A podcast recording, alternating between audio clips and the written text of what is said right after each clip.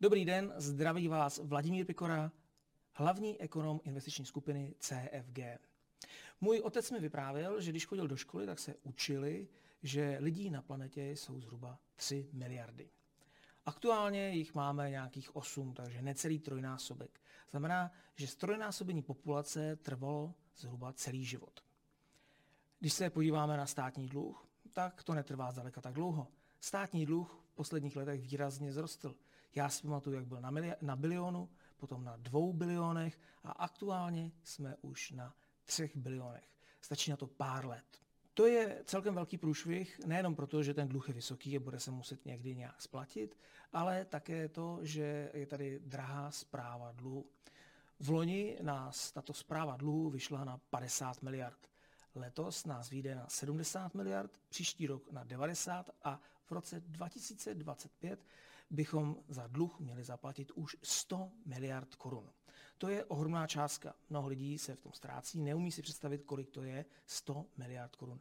Tak jenom taková, taková poučka nebo přirovnání. V roce 2021 jsme za celou policii zaplatili 86 miliard korun. Jinými slovy, kdybychom neměli dluh, tak každý rok nemusíme zbytečně vyhodit 100 miliard a můžeme jí dát třeba na, eh, na policii. Najednou bychom měli dvakrát lépe placené policisty, měli by lepší techniku, měli by lepší všechno a pravděpodobně bychom se taky dočkali ještě nižší míry kriminality.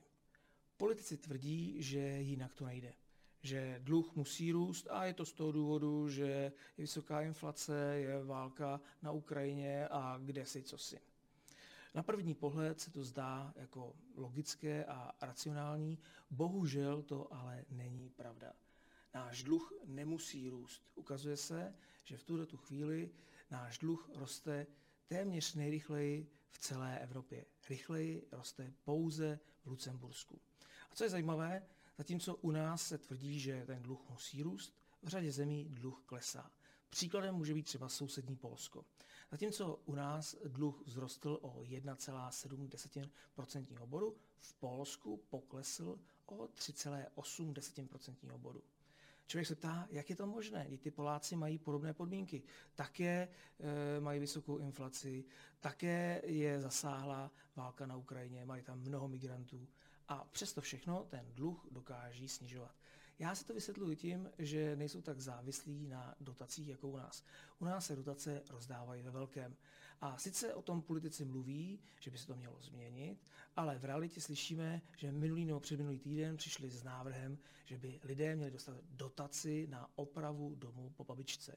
To je klasický příklad toho, jak u nás zneužíváme dotace, které v zásadě nejsou vůbec nutné, protože tyto dotace dostanou lidi, kteří mají majetek, kteří jsou relativně bohatí, mohou si vzít hypotéku a mohou z toho zaplatit tu rekonstrukci, ale lidé, kteří skutečně nemají peníze, žijí někde v nějakém podnájmu, ti žádnou dotaci nedostanou.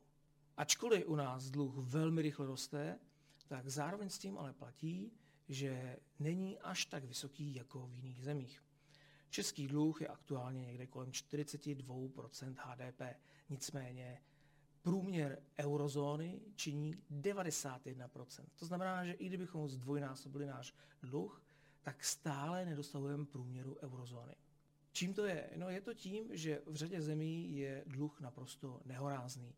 Třeba řekové snižují svůj dluh, ale stále ho mají nejvyšší v Evropě, když činí nějakých 168% HDP. Italové jsou na tom podobně, jejich dluh činí 143% HDP.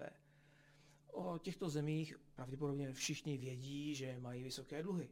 Ale myslím, že mnoho lidí bude překvapeno, kdyby vědělo, že třeba Francie má dluh na úrovni 112% HDP. To znamená, jejich dluh je skoro třikrát vyšší než ten náš. Naopak jsou země, kde je dluh nízký. Nejnižší dluh je v Estonsku, kde činí 17% potom v Bulharsku, kde je 22 Někteří lidé by mohli dojít k závěru, že z toho plyne, že ten nízký dluh má pouze eh, východní Evropa. Realita je ovšem taková, že nízký dluh má třeba i Dánsko, to má 29%. Že vlastně nejde ani tak o to, jestli mluvíme o východu nebo západu, ale spíš o tom, jestli mluvíme o severu nebo jihu. Ukazuje se, že prostě jich Evropy je předlužen. Někteří politici straší, že kvůli růstu dluhu budeme mít bankrot. Nebudeme. Náš dluh je skutečně nízký, jak jsme řekli, patří hluboko pod průměr Evropské unie. Nicméně to, že nezbankrotujeme, není jedinou zprávou, kterou nám to přináší. Ta statistika, ta statistika ukazuje, že ten růst pravděpodobně přiměje ratingové agentury k tomu, aby nám snížili rating. Snížený rating sebou přinese i to, že se investoři budou o svoje peníze bát a budou vyžadovat za naše